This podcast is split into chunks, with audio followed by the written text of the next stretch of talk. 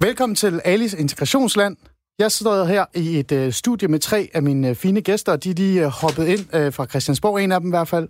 Og øh, vi skal faktisk øh, igennem tre emner i dag. I dag skal vi øh, tale lidt om øh, den, øh, hvad kan vi sige, den, den opkald, den, den snak, øh, Sikander, jeg kan ikke sige hans navn, Sikander Siddiqui øh, kom med i Christiansborg øh, til her for et par dage siden. Og så skal vi selvfølgelig også vende hele det her paradigmeskifte, som åbenbart der er blevet lavet hul i fra de radikale venstre, som øh, har været ude med et øh, lovforslag, som er gået igennem og starter fra i morgen i forhold til det her med, at, at udlændinge øh, og flygtninge kan blive i Danmark, hvis de har et arbejde. Og til sidst så øh, vender vi lige hele øh, den her bønnekaldsdebat, som har eksploderet de sidste par dage. Øh, så det bliver en interessant dag i dag, og øh, I skal glæde jer rigtig meget. Og husk, I kan skrive ind til os. Øh, I kan sende en besked på 1424, og øh, start beskeden med R4 og så et mellemrum. Og øh, lad os komme i gang.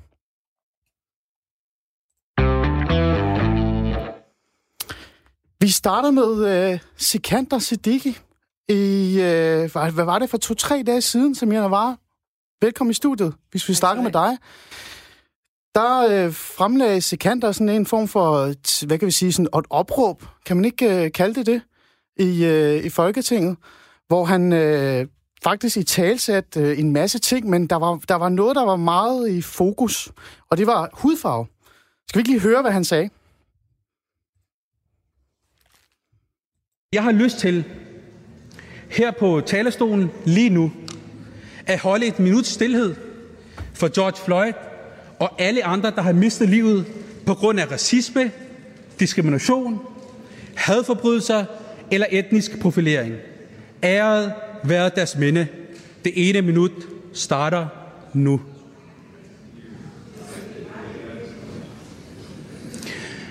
Black Lives Matter. I var alle tre i, øh, i salen. Er det ikke rigtigt forstået? Rasmus Stocklund? Jeg var der ikke lige derinde lige der. Nej, men jeg var til afslutningsdebatten. Ja, og øh, hvad med dig? Jeg, jeg var der. Jeg hørte, øh, jeg hørte det meste af den øh, noget ophedet diskussion, som efterfulgte øh, det øh, i gåsøjne indlæg, som øh, den tidligere alternativist kom med fra, fra talerstolen. Ja. Altså, hvis vi starter med dig, øh, Samir Navar, øh, fra Radikale Venstre. Du var også øh, i salen. Hvad, hvad, øh, hvad følte du, da du hørte den her, øh, den her, det her opråb, kan man jo næsten kalde det? Ja, det synes jeg egentlig er, en, er noget rigtigt. Altså, det er den rigtige betegnelse. Øh, jeg hæfter mig egentlig ved, øh, ved budskabet, øh, som der kom øh, fra, fra talerstolen, og som også havde fyldt i løbet af øh, afslutningsdebatten. Øh, altså hele det her fokus på, at der er racisme i Danmark, og at det er noget, som vi også fra Folketingets side skal i talesætte og turde tale om. Altså ikke det her med, om der er racisme eller om der ikke er racisme, men mere, hvad skal vi stille op med det? Fordi det er jo rigtigt og påvist, at der findes borgere i Danmark, der bliver diskrimineret, både hvis de, man vil ind på boligmarkedet, hvis man vil mm. ind på arbejdsmarkedet, og det handler rigtig meget om, det navn, man har, kan være mere eksotisk end Hansen og Jensen, mm. øh, eller ens udseende, eller hvis man bærer tørklæde. Så det, der er en diskrimination øh, rettet mod... Øh, minoritetsetniske, borgere med minoritetsetnisk mm. baggrund eller muslims baggrund. Og det var, det var det tema, der blev i talesat på forskellig vis øh, i løbet af afslutningsdebatten, og jeg synes faktisk, at det var tiltrængt. Øh, og, øh, og jeg er rigtig glad for, at vi i dag er et sted i Danmark, hvor vi faktisk kan tale højt om det, også som folketingspolitikere, øh, fordi, øh, fordi det fylder hos, hos rigtig mange minoritetsetniske borgere. Men, men, men ja, og det kan jeg godt øh, på en eller anden måde følge dig i, og det er jo utrolig vigtigt at talsætte talsæt racisme, men der var jo noget, jeg lagde mærke til, som vi også kunne høre i, øh, i det her klip, øh, Sikander øh, øh, udtaler om, det er jo, at han har utrolig meget fokus på farve i hans tale, og det var også det, der blev kritiseret senere hen. Han nævner det her med brune øh, gentagende gange. Hvad følte du da, du, da du hørte det, det her med, at der faktisk fandtes en befolkning i Danmark, som var brune danskere? Jamen, vi har jo kaldt borgere med etnisk minoritetsbaggrund forskelligt gennem Ja, men nu var det jo, tiden, nu var det jo fokus på hudfarve. Ja, så hvad, hvad tænkte altså, du, da du hørte det der hudfarve, altså det der brune danskere? Jamen, jeg tænker ikke så meget mere, end at øh, det er bare en anden betegnelse end øh, nydanskere, eller bindestregsdanskere, eller øh, borgere med etnisk minoritetsbaggrund. Øh, så det er lidt den måde, vi taler om det nu. Øh, og, øh, og, og ja, det tydeliggør så, at der er en forskel i hudfarve. Mm. Men, men, Men i, er, du, er du, altså anser du dig selv som en brun dansker? Jamen, er du, skulle er faktisk- du, er du Samir, altså når jeg skal i tiltale, altså i tale til dig, er det, er det Samir Navarre, brun dansker, folketingsmedlem for Radikal Venstre? Nej, jeg er rigtig mange ting, men, øh, men, men, altså, Men er du jo brun dansker? På mig, du kan jo kigge på mig, hvis det er hudfarven, vi snakker om, så er faktisk I tre herrer her i studiet. I er måske lidt brunere end mig.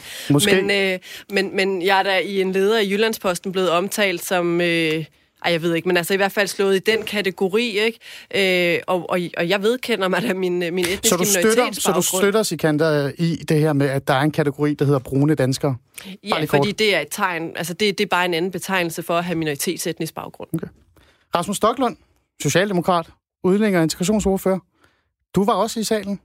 Eller hvad var det? Øh, Jeg var ikke i sagen Du var ikke i der, men det er men jeg du var til hørte- afslutningsdebatten. Hvad- hvad jeg, jeg tænker har du? hørt det her klip. Hvad tænkte du, da du hørte, øh, altså hvad følte du, da du hørte, altså da du hørte Sikander tale om det her med, der findes en, en kategori, der, altså, der hedder brune danskere?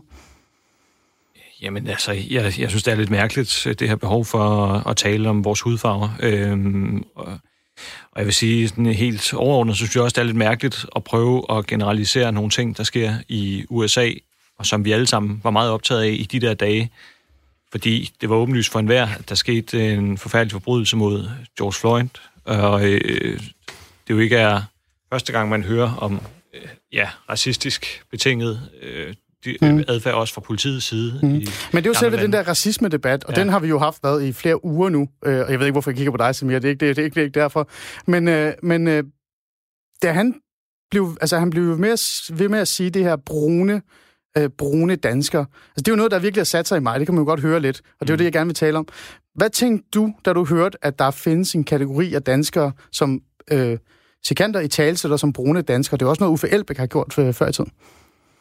Jamen, jeg ved ikke, hvorfor at det er på den måde, men det er jo blevet meget populært at finde sådan øh, meget øh, politisk korrekte betegnelser for forskellige ting. Altså tidligere så har vi talt om sort og hvide, og øh, nydanskere, gammeldanskere, øh, mm. ikke-vestlige og vestlige og sådan noget. Altså, jeg ved det ikke. Jeg er ikke særlig optaget af hudfarver, øh, og jeg synes nogle gange, det er lidt paradoxalt, at nogle af dem, der er mest optaget af hudfarver, øh, det er dem, der også øh, taler mest om racisme. Jeg bedømmer folk på baggrund af deres adfærd, deres handlinger. Det er det, jeg synes, man skal stå regnskab for som menneske. Jeg synes overhovedet ikke, man skal stå regnskab for, mm. for sin hudfarve, fordi den er totalt underordnet. Så du støttede ikke uh, Sikander Nej, jeg Stikkes... bryder mig ikke øh, om det der, men jeg bryder mig heller ikke om det der med at overføre øh, nogle af de sammenstød og problemer, der har været i USA, og så prøve at trække paralleller til for eksempel dansk politi, og prøve at få det til at lyde som om, at nu skal vi passe på, at vi ikke har noget tilsvarende herhjemme og sådan nogle ting. Jeg synes, det er totalt ude af proportioner, og jeg synes, det er meget upassende at gøre. Øh, både synes jeg, det er urimeligt over for dansk politi, men jeg synes sådan set også, at det er med til øh, og, øh, forflade nogle af de alvorlige problemer, der jo er med racisme rundt omkring i verden, fordi mm. så får man sådan et indtryk af, at nå, men der har vi jo også herhjemme, og nej, der har vi altså slet ikke i samme omfang. Så der var mere i det, men især i hvert fald det der, eller i hvert fald i forhold til det med at kategorisere folk som, som brune, det var i hvert fald overhovedet ikke noget, du kunne genkende, eller har Jamen, lyst til jeg at har ikke støtte. stærke holdninger til det der, fordi jeg er lidt ligeglad med, hvad folk de betegner sig selv som, og hvis Sikander han har det bedst med at være brun dansker, så må han jo så være det. Okay. Men, men det er bare ikke noget, jeg går ikke så meget op i at gå rundt og, og kalde folk forskellige farver. Okay. Morten Dahlin? Ja. Venstre? Også ja. Ja. Du er øh, lige præcis dine ordførerskaber. Hvad er det, du lige... ja er- indfødsretsordfører. Indfødsretsordfører, det er nemlig rigtigt. Morten, øh, du sagde til mig, at du faktisk har hørt det igen, selvom ja. Du var øh, i salen, da. Sikander fremlagde det her kampråb, kan man næsten kalde det en art. Hvad tænkte du, øh, da han begyndte at tale om brune danskere, og jeg tror, vi to, vi lige vi nævnte her, før vi gik i gang, han, han nævnte fem, seks gange. Ja, Ja. ja. Øh, han nævnte det rigtig mange gange. Ja. Jamen, jeg tænkte utrolig mange ting. Men, men, men det, jeg som kom frem til, efter jeg så klippet øh, igen, og det blev jeg nødt til, fordi nogle gange, når man oplever noget, der er, går lidt vildt for sig, så er det godt at se det, en efter, se det efter en gang mere, så man ikke bare reagerer på sine umiddelbare øh, Tænker du følelser. på reaktionen i forhold til hans tale, der var Ja, men hele debatten var jo Ja. ja. ekstremt ophidset. Og uanset om man synes, at øh, Sikanders øh, indlæg var godt eller dårligt, så må man jo konstatere, at debatten blev meget ophidset. Mm. Altså, jeg, jeg, jeg, jeg drager to ting ud af det. Øh, den første er, at jeg sådan helt grundlæggende blev ked af, at vi nu har en diskussion, hvor der står en mand fra Folketingets talerstol og opdeler folk i hudfarver. Altså, det synes jeg faktisk er ærgerligt, og jeg synes, vi som samfund øh, skulle komme videre fra at kigge på folk øh, baseret på, hvilken pigment de har i deres hud, mm. og så i stedet for at bedømme dem på deres øh, person, deres karakter og deres handlinger. Og jeg synes, det er ærgerligt, hvis vi begynder at have en offentlig og en politisk diskussion i Danmark, hvor vi inddeler folk i, i hudfarver. Det synes jeg er forkert. Det var ligesom den ene konklusion, jeg drog, drog ud af, af den diskussion. Og den anden, det er, at jeg oplever det indlæg som en, en, et meget klart bevis på en tendens, som er mig inderligt imod. Og hvad, og hvad det, er det for en tendens, tænker det du? Er en tendens til en amerikanisering af den politiske debat. Og mm. det er på alle niveauer. Mm. Det er, når vi snakker arbejdsmarkedspolitik, men det er særligt, når vi snakker hele det her, man med populært udtryk kan kalde identitetspolitik. Mm. Og jeg synes, det er så ærgerligt, hvis fordi, og det er der, nogle problemer i USA med racisme, mm. med øh, politibrutalitet osv., at vi en til en prøver at overføre de problemer til Danmark. Mm. Jeg synes, det er en overfladisk tilgang, og jeg synes også, det er en forkert tilgang, fordi jeg mener ikke, at vi har de samme udfordringer, for eksempel med systematisk racisme ja. eller med politivold ja. i, i Danmark. Så er, vi, så er vi tilbage til den debat, som vi har haft de sidste par dage, og, der, og det, er, det er også en, det er en vigtig debat, og, og det er også rigtig godt, at du lige nævner din holdning i forhold til det. Men bare lige for at slå det fast, før jeg går over til Samir, der har hånden op. Øhm, så kategoriseringen af folk efter hudfarve og i talsætte sådan en som mig, øh, med anden vestlig baggrund, eller øh, anden etnisk baggrund, jeg kommer oprindeligt fra Iran, som en, et brun dansker, det er ikke noget, du øh, støtter op omkring. Det vil jeg i hvert fald aldrig nogensinde gøre. Nej.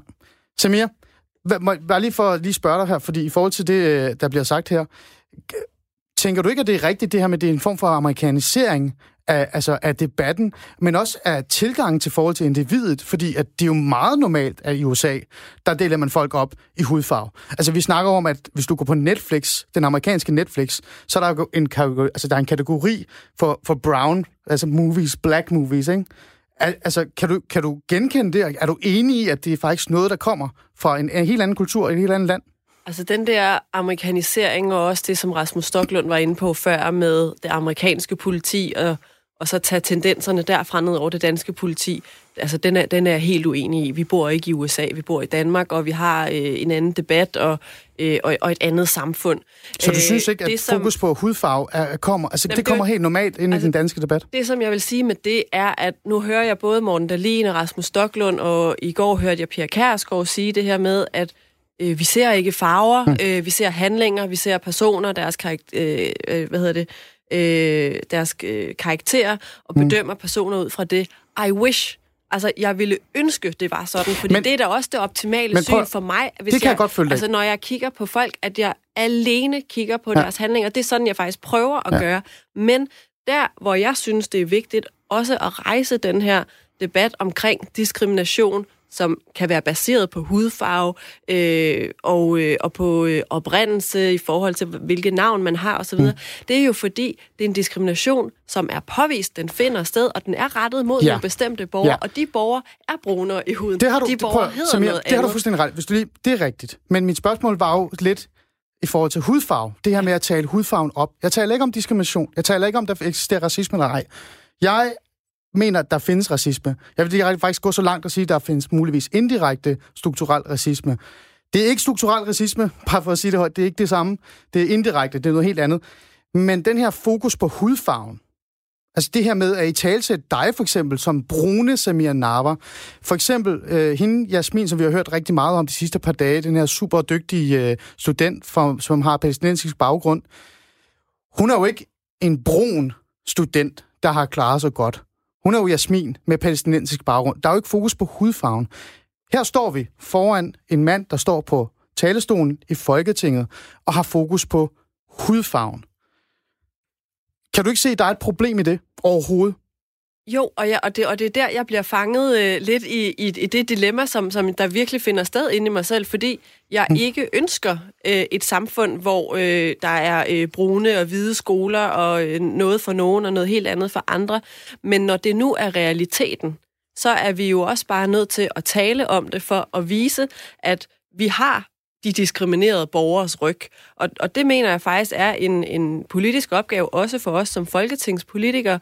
Og nu nævner du uh, Jasmin, uh, stu, superstudenten, mm, som, super som uh, pige, opnåede som det højeste godt, snit.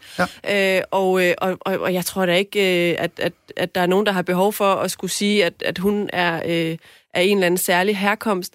Men når det alligevel bliver gjort, er det jo fordi, man gerne vil nuancere det billede, der ellers er skabt af borgere med ikke-vestlig baggrund. Men kan man det ikke, billede, men, det, det, prøv, det bliver kan, man ikke, kan man ikke gøre det uden at på en eller anden måde have så meget fokus på hudfarve? Fordi jeg sidder her og tænker, og, og Stoklund, øh, Rasmus og Morten, I må gerne øh, være med her.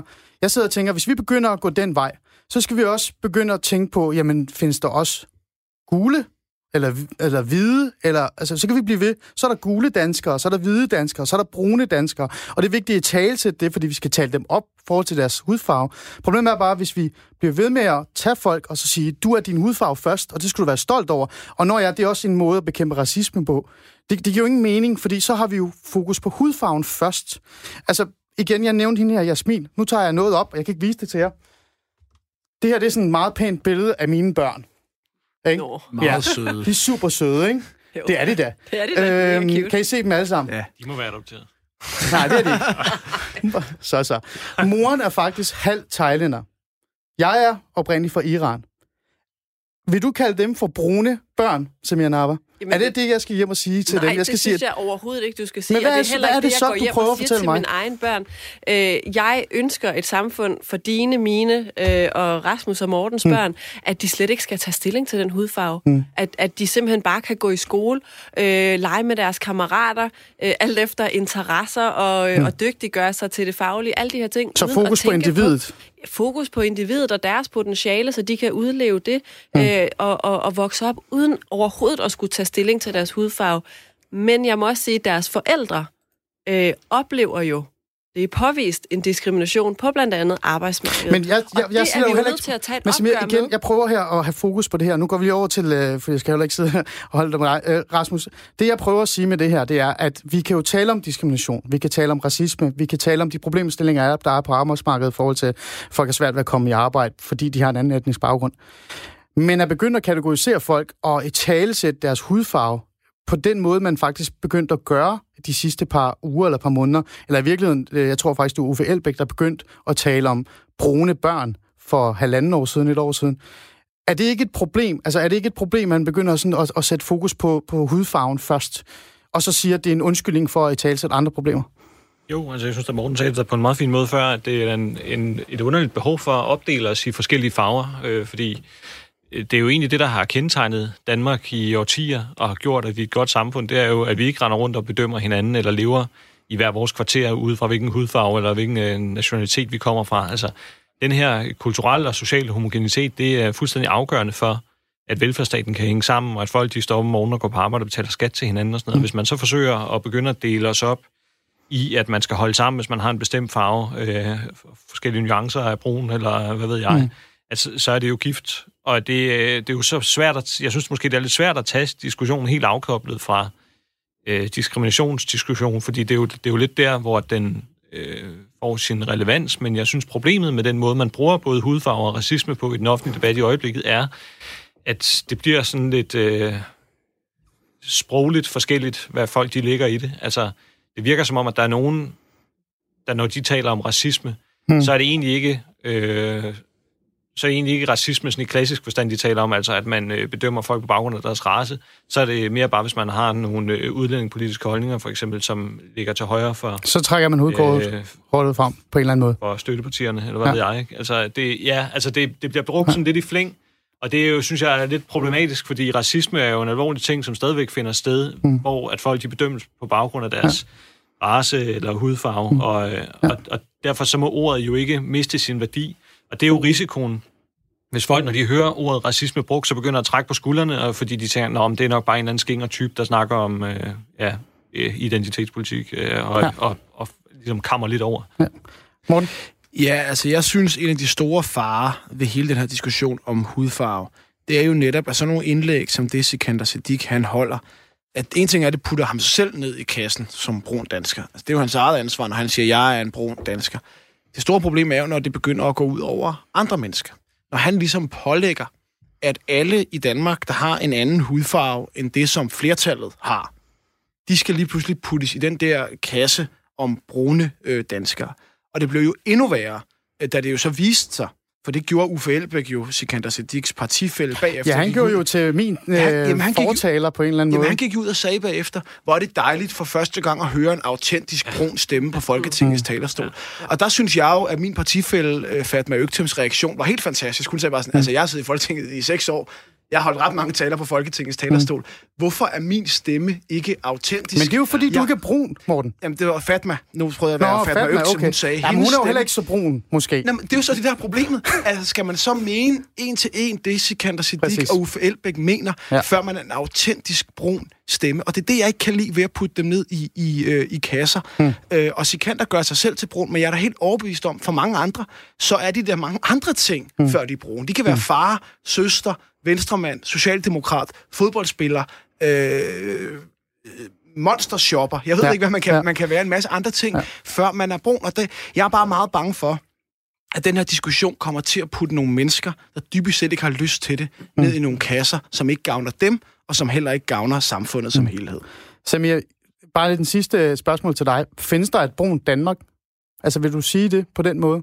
Et brun Danmark? Ja, et brun Danmark. Øh, nej, det har jeg da ikke sådan på den måde tænkt over, men jeg er egentlig øh, meget enig med, mm. øh, med det, Morten Dalin han siger mm. her, at, øh, at, at altså, det her med at putte folk i, i kasser og bokse, øh, det, det tror jeg egentlig ikke, der er så mange, der har, der har noget godt ud af, fordi vi alle sammen er så mange forskellige ting og har så mange forskellige kasketter i forskellige sammenhænge.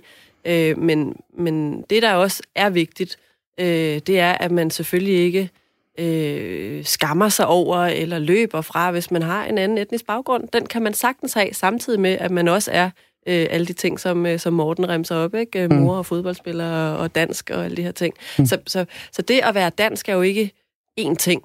Øh, det, det kan man være på mange måder med, med mange forskellige hudfarver. Mm.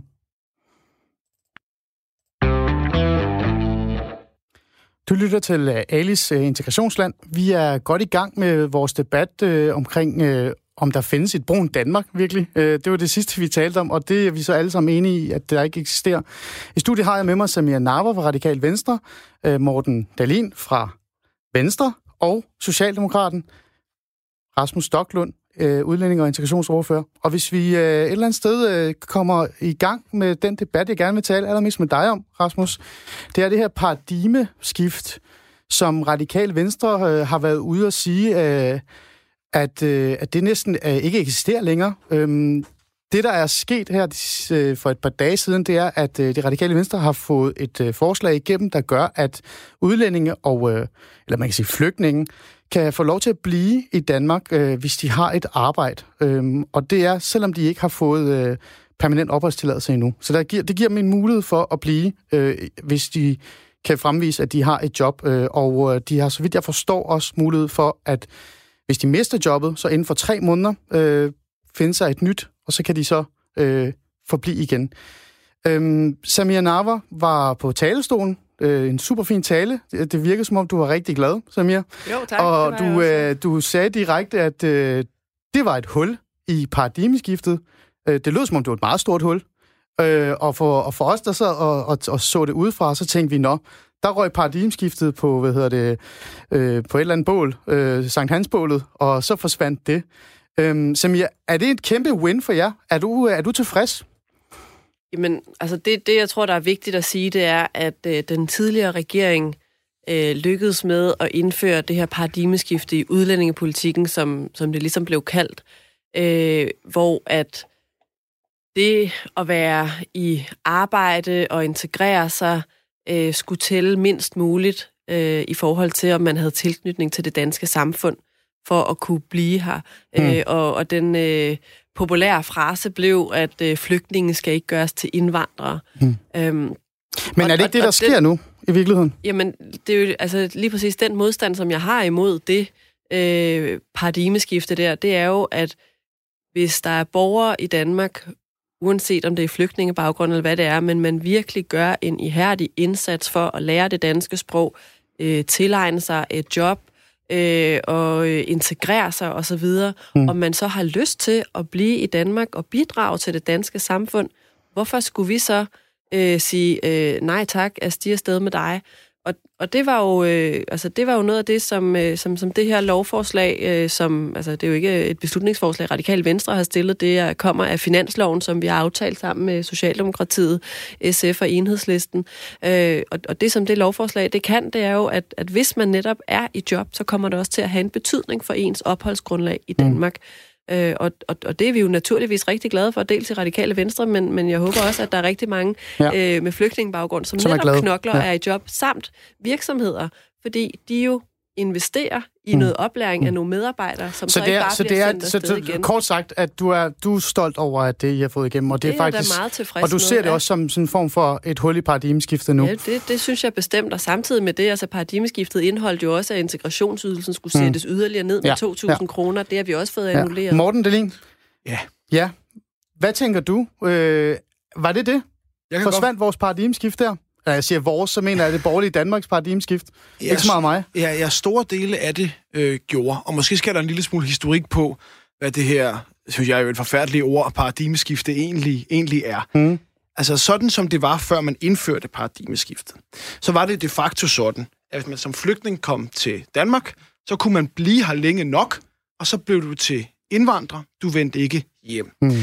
Det prøvede vi at lave om på ved at sige, at udgangspunktet må være, at når man kommer til Danmark som flygtning, så kan man selvfølgelig få, få husly, fordi man flygter fra krig og ødelæggelse, men når der er fred i hjemlandet, så skal man vende tilbage og hjælpe med at bygge sit land op.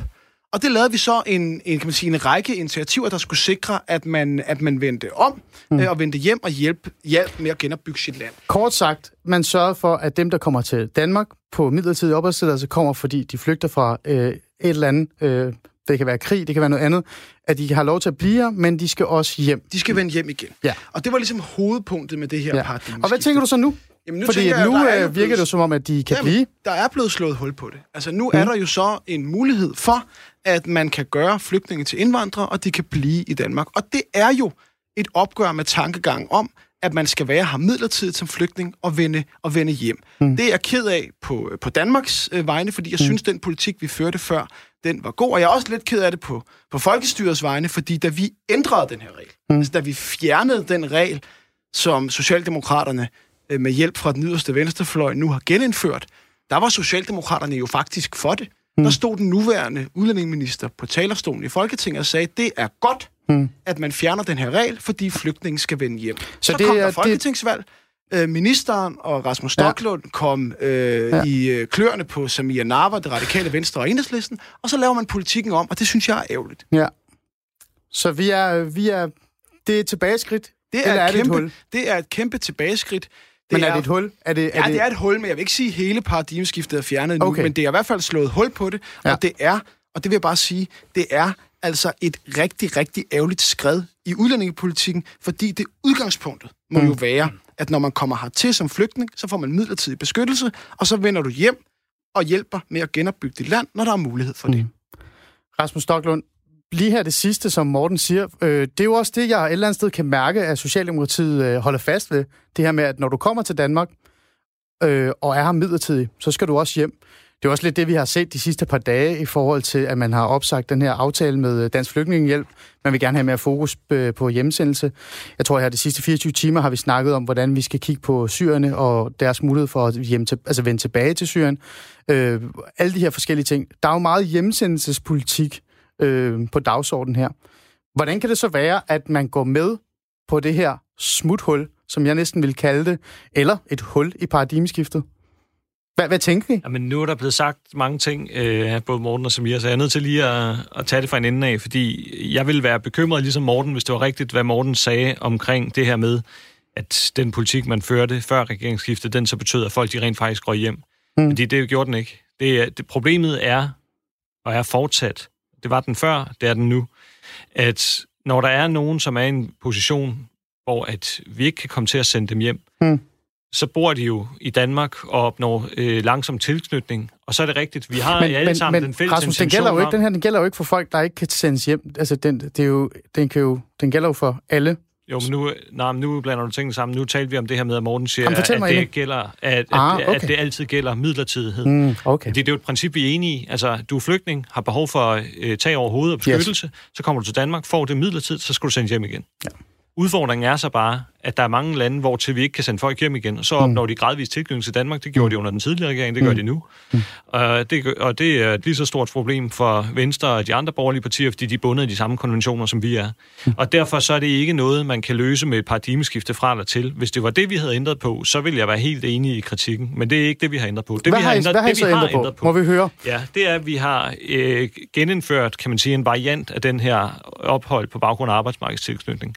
Hvor at man, hvis man har været i arbejde hos den samme arbejdsgiver i to år på sædvanlig løn og arbejdsvilkår, så der er altså ikke noget med social dumping, og det skal være ordnet forhold, så kan man få lov til midlertidigt at få forlænget sin opholdstilladelse, så længe man er i arbejde. Mm. Hvis man så ikke længere er i arbejde, så, er man ikke opholds, øh, så har man ikke noget opholdsgrundlag længere. Mm.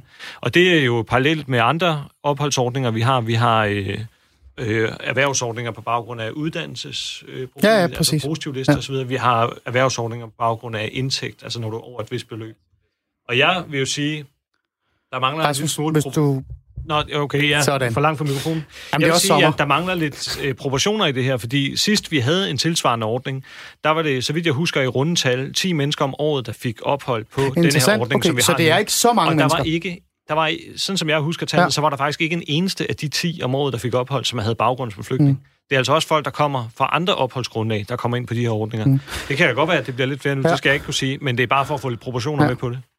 Det, Morten? det, der bare undrer mig her, det er, at da vi fjernede den her regel, Ja. de borgerlige partier, der stemte Socialdemokraterne, de stemte for at fjerne reglen. Men netop den argumentation, jeg har siddet og fremført her øh, i radioen, netop, at man skal være her midlertidigt, og når der er fred i hjemlandet, så skal man vende hjem. Så bliver der folketingsvalg, og lige pludselig så er det ikke det, Socialdemokraterne mener mere.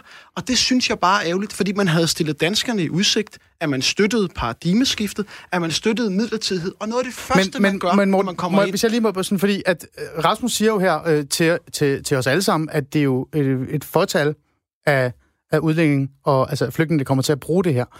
Øh, så, så hvor bekymret er du virkelig i forhold til Jamen, det her? jeg, jeg er grundlæggende bekymret. Altså, jeg, Men det er jo måske 20, 30, 40, måske 100. Øh, det ved vi jo ikke endnu overhovedet, men i forhold til det, sidste det er tal... jo faktisk en ret spændende udlændingepolitisk diskussion, og lad os lige dvæle ved den et øjeblik.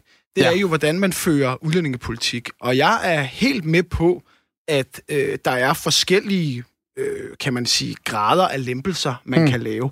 Men det, jeg synes, vi har set fra den her regering, det er en masse øh, små lempelser, som alle sammen trækker i den forkerte retning. Det her mener jeg så er en af de større, fordi jeg mener, fuldstændig som Samir Narva, der, står, der står, kan man sige, fader til forslaget, at det er et hul på paradigmeskiftet. Og hver evig eneste gang, man trækker udlændingepolitikken i den forkerte retning, så bliver jeg bekymret. Mm. Det gør man, når man som Socialdemokraterne hæver ydelserne til arbejdsløse udlændinge. Det gør man, når man lemper reglerne for statsborgerskab. Ja. Det gør man, når man i den her øh, Morten, lad mig lige prøve, konkrete må jeg lige prøve, lad mig spørge dig, må lige prøve at sige, fordi det, jeg, det, vi talte rigtig meget om, da VLAG-regeringen var, var, var i gang med hele det her paradigmeskift, som Socialdemokratiet også støttede, det var den her, hvad kan vi sige, øh, opgør med incitamentsystemet. Det her med, at vi skulle have et opgør med, at man faktisk kom til Danmark, og så kunne man blive, Så kunne man vente sig så til man kunne vente sig til at blive. Så du mener, at det her, det er, det er faktisk øh, øh, det er en lempelse, der gør incitamentsystemet sådan større, gennem større muligheder? Ja, det er det da. Altså, det, det gør jo, at der er nogle mennesker, der med det tidligere system ville have vendt hjem, for eksempel til Syrien, mm. som nu ikke gør det. Ja. Og det kan man bare ikke udlægge på andre mm. måder, end at det er en lempelse af dansk udlændingepolitik, og Venstre og jeg er ikke interesseret mm. i at lempe mm. udlændingepolitikken. Mener du, Socialdemokratiet er på vej til at lave et øh, løftebrud? Altså sådan et, et såkaldt valg? Ja, det synes jeg, fordi de stemte ja. jo sådan set for at fjerne den del af loven, som de nu genindfører Godt. i 2018. Super. Rasmus, jeg har set, du har øh, viftet med, at vi må lige have øh, kvinden med, ellers så får jeg ballade. Er det ikke rigtigt, Samir? Samir, du må jo blive rigtig glad, når du hører det her. Altså, jeg sidder og tænker, det er da fedt. Der er hul. Øh, Der er mulighed for, at man kan blive og sådan nogle ting. Men samtidig så står Rasmus ved siden af mig og siger, men det er jo et fortal. Altså, er det bare et lille kødben, der er blevet kastet efter radikal venstre? Fordi det kan godt være, at, at Morten han tordner lidt imod øh, Socialdemokratiet, og det er ikke, fordi jeg skal forsvare Rasmus eller Socialdemokratiet på den måde. Men jeg må da indrømme, Morten, hvis bare lige kigger på dig, du får ikke lov til at se vare på det her nu, det gør du senere de har taget meget større skridt imod hjemsendelses, øh, hvad hedder det, altså tilgang, end, end, det vil jeg mene, i, forhold til, hvad de borgerlige gjorde. Skal vi tage altså, den debat om Syrien? Det tager vi, det tager Fordi vi det er en bagefter. spændende diskussion. Det tager vi bagefter. Så Simia, du må jo være glad, men er det, er det bare sådan en lille kødben, I har fået? Altså, er, det, er, I, er I tilfredse nu? Jamen, altså, vi ved jo ikke, hvor mange der kommer. Det er jo også det, Rasmus siger. Men hvis, hvis Rasmus Og- siger, at det er kun 20, 30, 40 stykker, det er da ikke mange. Altså, det er da ikke en sejr, Nej, jeg mene. det, det er ikke mange, det er rigtigt, men, men jeg kunne godt forestille mig, at der kommer mange flere. Øh, det, som, det, som der lige er vigtigt for mig at sige her, det er, at Rasmus beskriver det jo egentlig rigtig fint, når han mm. siger, at det er en erhvervsordning, og øh, det var også det, jeg selv forsøgte at sige før med, at virksomhederne efterspørger jo faktisk, at man, når man kaster kræfter efter øh, også borgere med flygtningebaggrund, at de så kan få lov til at blive i virksomheden.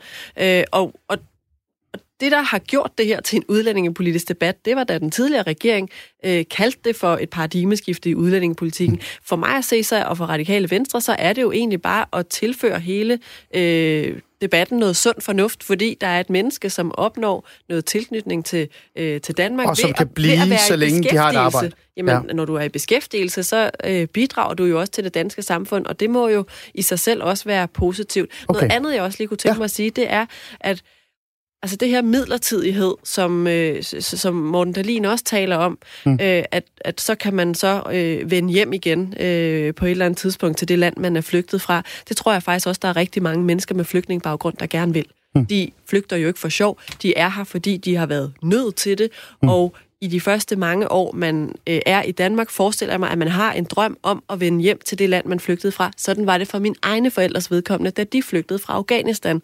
Men på et eller andet tidspunkt, Ja. ja. så får man også nogle børn. De børn kommer i dansk børnehave og skole, vokser op og opnår tilknytning. Og hvis man så på det tidspunkt begynder at rive børn og familie ud af landet, i øvrigt bidragende Ja. borgere, og smide dem til et Så land, de skal hvor selvfølgelig blive. Det, det, er, det, det er jo det, det med, at så Jamen, skal det er de, bare for ja. at sige, at det ikke bare Ja, er flygtninge, Rasmus. der bliver til indvandrere, Ja. men det er jo også bidragende borgere, som er danskere. Rasmus, du skal selvfølgelig have lov til at svare på, på selve løftebrud, øh, der lige kom fra, fra højre, fra mig, fra mit højre. Men, men øh, du får også lige den her. Altså, det bliver jo fremlagt, altså helt seriøst lige foran mig, der bliver det jo fremlagt som, at jamen, så kan de jo bare blive. Øh, og det skal de have lov til. Så, så det er jo et eller andet sted igen en mulighed for, at flygtninge og udlændinge kan blive så lang tid, de har lyst til i Danmark, selvom de ikke har fået permanent opholdstilladelse. Så det er jo, det er jo et hul i det her øh, udlændingepolitik, eller det her stramme udlændingepolitik.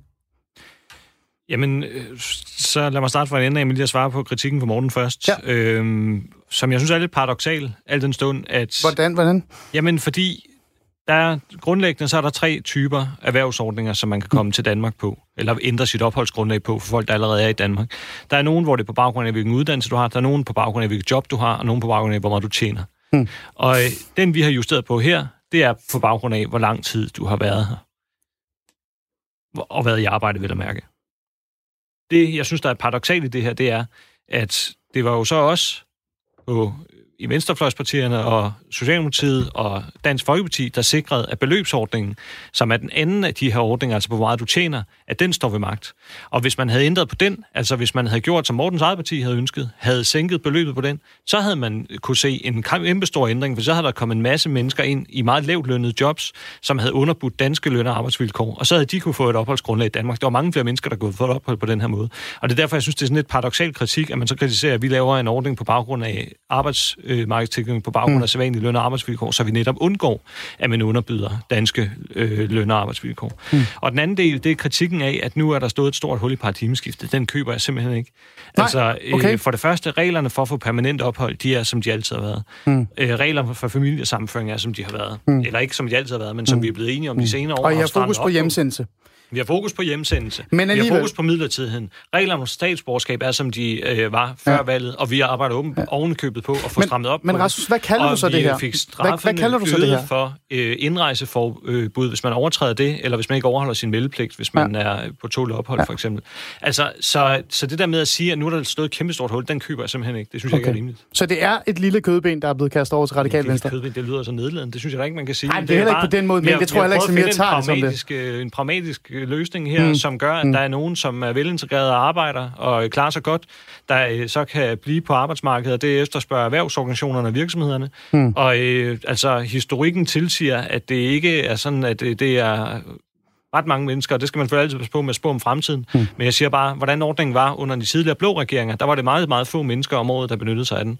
Og mig bekendt var der ikke nogen med flygtningebaggrund, der benyttede sig af den faktisk. Men det øh, må tiden jo vise, hvordan den nu bliver brugt. Du lytter til øh, Alice Integrationsland. Jeg sidder her med øh, Samir Samia Nauer fra Radikal Venstre, øh, Rasmus Stoklund fra Socialdemokratiet og Morten Dalin fra Venstre. Og vi taler om øh, den såkaldt muligvis lempelse eller hul i paradigmeskiftet, eller hvad man nu kan kalde det, der netop er kommet i forhold til med, at udlændinge og flygtninge kan blive på arbejdsmarkedet, så længe de har øh, et job. Og det træder i kraft i morgen, Samir. Er det ikke rigtigt? Øh, jeg mener, jo, det må det, Jo, det være. Det er fordi, der, var, der stod noget med, at der var noget muligvis, øh, men det, det jeg tænker, nej, det er administrativt. det er 1. juni i morgen, det er Ja, rigtigt. præcis. Øhm, det er da dig. Det, det, jeg sådan stussede over i forhold til selve forslaget, øh, Samir, det var det her med, at hvis man kunne finde sig et arbejde og havde det også i det samme erhverv, så kunne man blive så lang tid som muligt. Så var der det der, ret mig endelig gerne, det der tre måneders periode, hvis du var arbejdsløs, så kunne du finde et øh, nyt job og køre videre. Når man tænker på øh, de problemstillinger, vi har haft, øh, også socialrådgiver med at arbejde med, øh, med ikke-vestlige borgere og få dem i arbejde, øh, og gå ned i sådan lidt mere sådan nørdet tilgang i forhold til, til det her med at få folk i job, så øh, kan jeg huske, da jeg var socialrådgiver, der var det altid øh, meget nemmere at få øh, en, en, en, hvad kan vi sige, Mohammed til at, at snakke med hans fætter, der hed Hassan, som så havde et pizzeria, og så kunne de hurtigt finde sig et job, for så kunne de være i gang i seks måneder til et år eller andet, og sådan nogle ting. Og så på den måde kunne man sådan køre rundt i sådan en form for rotationssystem, hvor man arbejdede i de her øh, hurtige, øh, hvad kan vi sige, øh, restauranter og butikker og andre ting. Øhm, da jeg læste det her forslag, så begyndte jeg sådan lidt at tænke, altså, er der ikke en, er der ikke en sandsynlighed? Er der ikke, en, er der ikke noget i det her med, at, at det faktisk kan blive noget, man kan spekulere i, i forhold til at øh, gøre det muligt for en at blive i Danmark? Altså, at man sådan begynder at kigge på de her erhvervsområder, som muligvis ikke mangler arbejdskraft, men kan sørge for, at man kan blive i Danmark, fordi man netop har givet den her mulighed for at, at bryde det her hjemsendelsesparadigme, der er blevet sat i værk. Altså, jeg ser ikke ned på nogen erhverv, og hvis Ej, man det, får det tror jeg ikke, det er det, det vi gør. øh, Jeg prøver nej, bare at men- fortælle, kan, det, kan der komme sådan en eller anden form for spekulation i det her? Fordi vi netop giver en mulighed for, at man kan blive i Danmark, hvis man har et arbejde. Altså, pointen er jo, at du skal øh, være i Danmark og, øh, og arbejde, og det arbejde, det får du løn for, og det er jo et på ordnede vilkår. Og Mm. jeg tror ikke, der sidder nogen arbejdsgiver og tænker, nu giver jeg bare lige løn for sjov. Mm. Øh, du ansætter nogen, hvis, hvis, hvis du har brug for arbejdskraften. Øh, og så øh, betyder det sådan set ikke noget for mig, øh, i hvilken branche, øh, om det er restaurant eller pizzeria eller noget andet, man, mm. man har arbejde i. Øh, så, så længe det er en arbejdskraft, der er efterspurgt, og, og, man, øh, og man byder ind med, med det, man kan, og, øh, og er værdsat og har været der. Øh, det er jo så det, øh, lovforslaget, eller loven her går ud på, at man har været der så i, i to år i den samme branche. Jamen, så øh, er, er alt fint øh, for mig. Morten, hvad tænker du i forhold til det? Jo, men jeg tænker sådan set bare, at, at det hele bekræfter øh, mig i det, jeg sagde før. Jeg synes, det her det er en ordning, der ikke havde været nødvendig at lave. Øh, hvis man vidderligt går op i, at folk skal øh, hjem. og Jamen, jeg tænker, hvad skulle man hjemland. så ellers have lavet, hvis det var morgen? Øhm, Jamen, jeg synes, ikke, jeg synes slet ikke, man skulle have lempet. Altså, faktum er jo man skulle her- holde fast. Jeg synes, man skulle holde fast, fordi vi bliver nødt til lige at, at zoome ind på, hvad det er for nogle situationer, der kan opstå ude i den virkelige virkelighed efter den her ordning. Hmm. Det kan være en syr, der er kommet til Danmark. Under den tidligere ordning, så ville den her øh, syr på den ene eller den anden måde øh, ligesom blive motiveret til at søge, søge, søge hjem. Nu får vedkommende mulighed for at blive, i stedet for at tage hjem og opbygge sit hjemland. Og hvis man har en overordnet politik om, at så mange flygtninge som overhovedet muligt når der bliver fred i deres hjemland, skal hjem og hjælpe med at genopbygge deres hjemland, så er det underligt at lave en ordning, der trækker i den anden retning. Så kan man kalde det erhvervsordninger, man kan kalde det et lille kødben, man kan slå knuder på tungen for at forklare alt muligt andet. Men faktum er, At, at den her ordning åbner op for, at der er færre flygtninge, der vender hjem til deres hjemland, og det synes jeg er forkert. Rasmus, hvad tænker du? at den syr, Morten taler om, jo i så fald skulle have været i arbejde to år allerede. Altså, så det er jo ikke sådan, at øh, jeg er åbenbart ikke god nok til at sidde foran Nå, det, er, det, er, det er fordi, jeg tror, du er på sommerferie allerede. det jeg kan godt se, Nå, du sidder men virkelig... altså, at øh, man skal have været i arbejde to år allerede, så derfor så er det jo ikke sådan noget med, at man lige pludselig begynder at spekulere i det der. Det skal altså være på ordnet løn- og arbejdsforhold. Og derudover, så synes jeg da bare, det er interessant, hvis Morten han siger, at han slet ikke vil have lempet noget. Fordi vil det sige, at det så ikke længere er Venstres politik at sænke beløbsordningen? Det vil da være rigtig positivt, fordi så har vi jo lige pludselig et meget stort flertal for, at beløbsordningen den ikke skal sænkes. Hvad tænker du der, morgen? Og det er jo virkelig noget, der vil åbne op for lavt lønnet arbejdskraft fra den tredje verden, hvis, hvis øh, den blev... Det er simpelthen altså nærmest grinagtigt, at Rasmus Stocklund har så svært ved at forsvare sin egen udlændingepolitiske lempelse, at han bliver nødt til at tale om beløbsgrænser. Men har han bare ikke fat i noget? Har han ikke fat i noget, Jeg synes, der er en kæmpe, kæmpe, kæmpe stor forskel på, om man siger. På den ene side har vi nogle mennesker, som er øh, flygtninge. Jeg vil også våge den påstand, at nogle af dem er migranter, som er kommet til Danmark. der har vi en politik om, at de hurtigst muligt skal vende hjem og hjælpe med at genopbygge deres hjemland. Der bliver nu taget et politisk initiativ, der helt ubetvivlsomt trækker i den forkerte retning i forhold til den politiske målsætning. Så har vi en anden diskussion, om der kan komme noget kvalificeret arbejdskraft øh, til Danmark. Det synes jeg er en helt relevant diskussion her. Jeg indgår meget gerne i en drøftelse med Rasmus Stocklund om, hvordan vi sikrer, at den arbejdskraft, vi får ind til Danmark, den er god og velkvalificeret. Men Venstres politik er helt klar. Når det handler om flygtninge, så skal de hurtigst muligt vende hjem og hjælpe med at genopbygge deres hjemland. Hmm. Men vi skal da være tosset, hvis vi som nation ikke kan anerkende, at der kan komme noget velkvalificeret arbejdskraft udefra, gøre Danmark klogere, gøre Danmark rigere, løfte vores velfærdssamfund. Det vil være helt tosset at gøre det her til en diskussion om det, og jeg synes jo i virkeligheden, at det er et bevis for, at Rasmus Stocklund og Socialdemokraterne ikke rigtig kan forsvare den her ordning, at de bliver nødt til at tale Vi fik ikke rigtigt svar, men svaret, hvis man så skal kode det ud, ned på, ja, hvad Rasmus. er egentlig svaret på det, det er så, at Venstre vil stadigvæk sænke beløbsordningen. Og det er jo bare, for at holde fast i det, det betyder, at folk med meget, meget lave indtægter, de så vil kunne komme til Danmark Rasmus, fra den tredje verden og arbejde. Hvis du og det ved vi lige så vel som Lad os lige tage det en af gang. Hvad, hvad siger du, Morten? Jeg vil bare lave en, en helt stilfærdig aftale med Rasmus. Det lyder interessant. Hvis Rasmus han stopper med at fortælle usandheder om min politik, så vil jeg overveje med at lade være med at fortælle sandheden. Men kan du så ikke bare fortælle sandheden om din egen politik? Jamen, Fortæl, vil Venstre hæve eller sænke beløbsordningen? Kan du ikke bare svare Rasmus, på det? Lad os, lad os lige høre. Ja, ja. Må hæve eller sænke beløbsordningen, ikke alt det andet. Lad, lad, må, må jeg svare på spørgsmålet fra Rasmus Stocklund? Nu giver vi lige muligheden. Den politik, Rasmus beskriver der, ja. som, og nu prøver jeg at citere dig så korrekt som overhovedet muligt, med hårder af mennesker, der kommer ind og ødelægger danske forhold og laver social dumping. Det synes jeg ikke, jeg sagde. Nej, det går Venstre ikke ind for. Og det svarer Men vil I hæve eller sænke beløbsordningen? Men, men, kan jeg bare få et ja nej? Ja, nej. Vi, vi, vi er med på, at vi skal kigge på beløbsordningen. Ja. Det er I med på, så vi, det, det, men vi er ikke med på. Så det er ja. Vi, men, ja, ja, men, det var det. Men, det vi bliver bare nødt til at have konsekvenserne af den politik. Selvfølgelig, men det kan vi tage bagefter. Konsekvenserne af den politik er ikke, at der skal komme en masse Godt. udlændinge hertil. Vi fik det, det er, at der skal komme kvalificeret arbejdskraft til Danmark. Og jeg vil bare sige endnu en gang, at det bevis for, at Rasmus Stocklund kan ikke forsvare sit eget partis flygtningepolitik, og derfor prøver han Morten, at få det til at handle om så, så, jeg tror bare, vi stopper her. Det er langt vi, udenom snak nej, Rasmus, for at komme Rasmus, frem til det ærlige svar, men vi fik vi, det til sidst, vi fik og det er hovedsagen. Svar, og vi fik et svar, og det men, var et ja. Sige, Samir, den, der er allermest øh, hvad hedder det, øh, konsistent her, øh, eller konsekvent er her, det, det er, er faktisk mig, også selvom, jeg er for... Prøv, også selvom faktisk, jeg får beskeder her, nu skal du høre, Samir, jeg får faktisk beskeder her, hvor, hvor, hvor de fleste skriver, at du er naiv, Nå, øh, ja. og at du, at du faktisk åbner op for næsten en ladeport. Men, men... Nej, men det jeg vil sige i forhold til den diskussion, de to herrer lige havde kørende, det er jo, at altså, hvis man mener, at arbejdskraft øh, er, vigtig. er vigtig, jamen så skal man da både være for at sænke øh, beløbsgrænsen, øh, det er vi i Radikale Venstre, og man skal selvfølgelig også være for øh, at åbne op for, at de mennesker, som, som har været i arbejde, uanset om de så er flygtninge, kan fastholde et arbejdsopholdsgrundlag. Øh, kigger, du på begge sider der? Altså, var du, altså er, du, er det, et, er det en, et en idé, du kommer med her? Altså en, en samarbejde? Nå, men det kunne det jo sagtens være. Altså, det, det, der er i hvert fald ja, ting, som Morten, Dahlin og jeg vi er enige ja. om i forhold til at sænke beløbsgrænsen. Ja. Det er jo noget, som øh, det jo ikke lykkedes den tidligere Venstre-regering at komme igennem med, men ja. som det lykkedes øh, radikale Venstre sammen med Socialdemokratiet, ja. SF og Enhedslisten at få øh, udvidet den positive ja. liste Rasmus, for du havde, du havde finger op, og så kommer... Ja. Det er bare fordi, man skal bare være opmærksom på, at når folk de taler om kvalificeret arbejdskraft, så er vi jo fuldstændig enige i, at kvalificeret arbejdskraft skal komme til. Men når vi siger kvalificeret, så mener vi ikke uh, lavt lønnet. Og det er det, kvalificeret, det bliver brugt som synonym for lavt lønnet arbejdskraft. Mm. Og vi vil gerne værne om men også Rasmus, folk, der er i servicebranchen, ja. eller folk, der er ufaglærte, der arbejder i Danmark, at de skal have nogle ordentlige lønninger. Okay. Hvis man sænker beløbsgrænsen, så åbner man op så for, at folk fra den tredje verden, de kan komme hertil og arbejde på lønninger, der er under danske løn- og arbejdsvilkår, ja. som vi kender dem i dag. Ja. Altså, det vi ikke Morten, vil være med det, til. Det er fuldstændig forkert. Og så kan du jo svare mig på, ganske kort, Rasmus. Er der en beløbsgrænse for den syr eller den afghaner, der nu får lov at blive i Danmark? Ja, det er der jo, fordi det er sædvanligt løn- og arbejdsvilkår. Er det er, der, jo en, er der en beløbsgrænse, Rasmus? Kan det være et lavt lønsjob?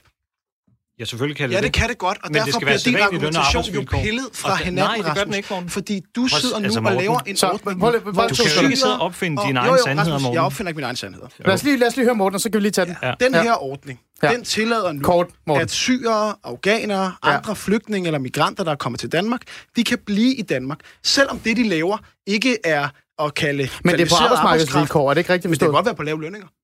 Og det er bare ret væsentligt at forstå, at det her er ikke en ordning, hvor det kun er ingeniører, vi taler om osv.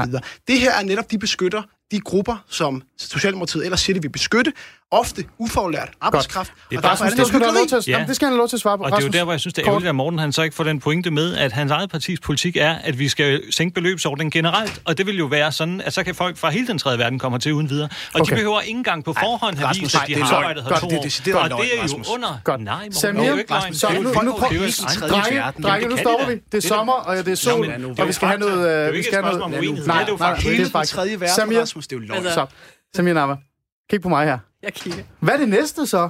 Fordi at hvis det her, det var sådan lidt en, en form for øh, et, et smuthul, eller et, et, et peakhul, eller hvad man kan kalde det. Hvad er jeres næste øh, plan? Jeg har hørt, øh, at der er noget i pipeline i forhold til, at vi skal kigge på uddannelser. Altså, at man, hvis man begynder at tage en uddannelse, så skal det også være en åbning for, at man kan blive øh, i Danmark, selvom man ikke har fået permanent opholdstilladelse. Nå, ja, altså, jamen, det er jo, det er jo der er mange Er det ting, det der er, jamen, der er mange ting, der er radikal politik, og det er jo noget, Jamen, vi sådan, altså, er det- er det det, med, du- der er med på dit, mellemrum øh, på visker dit arbejdsbord? Socialdemokraterne i ørerne, Ja. at, øh, at, at, at Har vi du har visket en, det i Rasmus Søre? Jamen, det kan jeg jo så gøre gennem radioen nu. øh, men, men det, du hentyder til, det Ja. er jo, at Radikale Venstre har en politik om, at, at vi gerne vil have, at uddannelse tæller på lige fod med beskæftigelse i forhold til at få permanent opholdstilladelse. Mm. Og det er jo fordi, at vi anskuer det at tage en uddannelse som noget ret vigtigt. Men lad os lige tage Øh, den. Lad os lige tage den. Hvad tænker du men der, jeg vil bare lige sige, pointen ja. er jo også, at, at sådan som det er i dag, så kan man tage et ufaglært arbejde, øh, og så opnå, øh, altså opfylde kriterierne for permanent opholdstilladelse, ja. men du kan også bruge de samme år på at læse på universitetet, for eksempel, og opnå en uddannelse, som der i den grad er efterspørgsel efter, men det tæller bare ikke. Så vi, vi, øh, hvad hedder det, vi, vi vægter folk forskelligt, alt mm. efter om det er uddannelse eller beskæftigelse, mm. og også selvom man sætter Men- men ufaglært kort, arbejde over for en universitetsuddannelse. Bare lige kort, før jeg videre til Rasmus, øh, og så kan vi høre, om, om du har visket godt nok i hans øre eller ej. ikke. Det ved jeg ikke.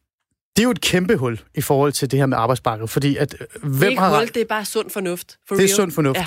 Og det er fordi, du tænker, der skal være plads til, at vi kan tage ind dem, vi kan tage ind, og dem, der er her, de Jamen, skal have lov til at blive. Det handler om at anerkende, at der er nogle mennesker, som, Godt. som uddanner sig i det danske samfund, opnår tilknytning og bidrager. Må- Bare lige, bare lige spørge meget, meget kort, meget, meget kort. Går Radikal Venstre overhovedet ind for hjemmesendelsespolitik?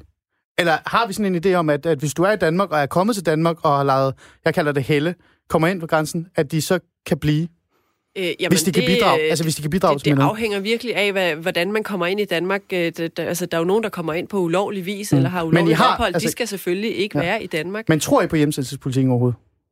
Ja, og jeg tror også, der er rigtig mange, der selv har et ønske om at vende tilbage, hvis man er flygtning, fordi man Okay. jo ikke er flygtet fra Okay. hjemlandet for sjov. Ja.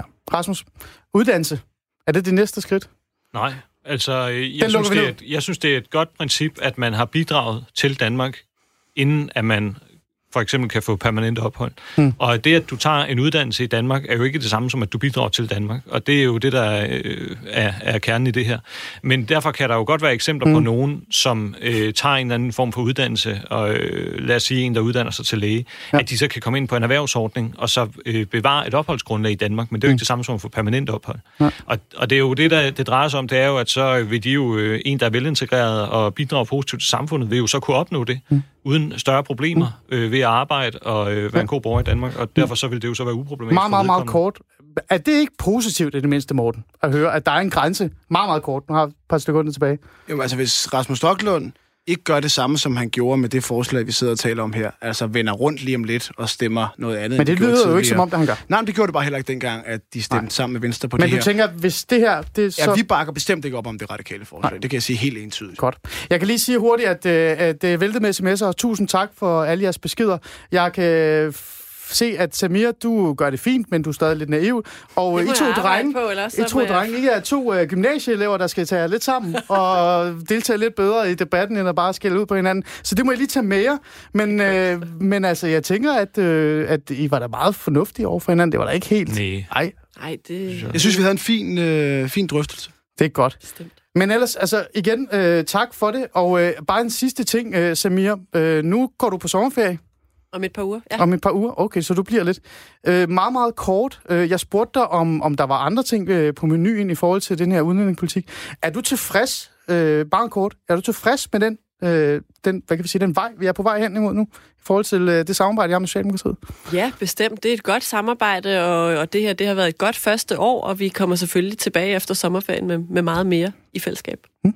Det bliver interessant at følge med, Morten. Vil jeg ja, mig det, det, det løber ja. mig koldt ned ryggen, når jeg hører det der. Det må vi se på. Men altså, så er vi faktisk også nået i mål. Øh, tak fordi I øh, lyttede med i dag, og tak fordi Rasmus Stocklund, du øh, deltog øh, i debatten. Samir Nauer, tak fordi du kom og forsvarede tak. det, du faktisk er glad for. Og Morten Dahlin, tak fordi du opførte dig som en øh, gymnasiedreng øh, og fuldstændig øl i debatten. Men øh, alligevel, ja, øh, det var jo en debut, så tak fordi du kom, og jeg håber, at du vil være med næste gang. Endnu en gang.